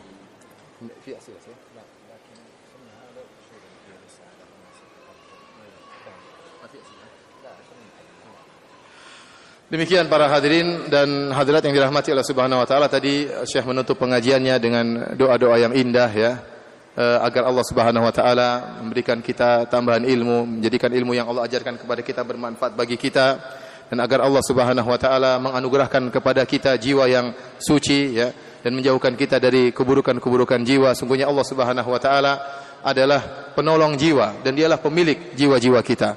Kemudian saya juga berdoa agar Allah Subhanahu wa taala menganugerahkan kepada kita rasa takut yang menghalangi kita dari bermaksiat kepada Allah Subhanahu wa taala dan agar Allah mudahkan kita untuk taat kepada Allah ya agar Allah memberikan kepada kita keyakinan yang membantu kita untuk menghadapi musibah-musibah yang ada di dunia ini dan doa-doa yang lainnya uh, di akhir pengajian saya ingin ingatkan kepada para hadirin hadirat insyaallah uh, pengajian yang kita sampaikan ini ya ada risalah ditulis oleh beliau ya kutayib kitab kecil tentang apa yang materi telah kita dengarkan tadi. Mudah-mudahan diterjemahkan dalam waktu yang dekat. Mudah-mudahan nanti bisa didapati oleh para hadirin sekalian ya. Demikian saja ya kajian kita. Mohon maaf tidak ada tanya jawab ya karena kita harus ke bandara. Jangan sampai terlambat uh, penerbangan Semoga pertemuan kita diberkahi oleh Allah Subhanahu wa taala sebagaimana Allah kumpulkan kita di tempat yang mulia ini semoga Allah kumpulkan kita di surganya kelak. Amin ya rabbal alamin. Kita tutup kafaratul majlis. Subhanakallah bihamdik asyhadu alla ilaha illa anta astaghfiruka wa atubu ilaik. Assalamualaikum warahmatullahi wabarakatuh.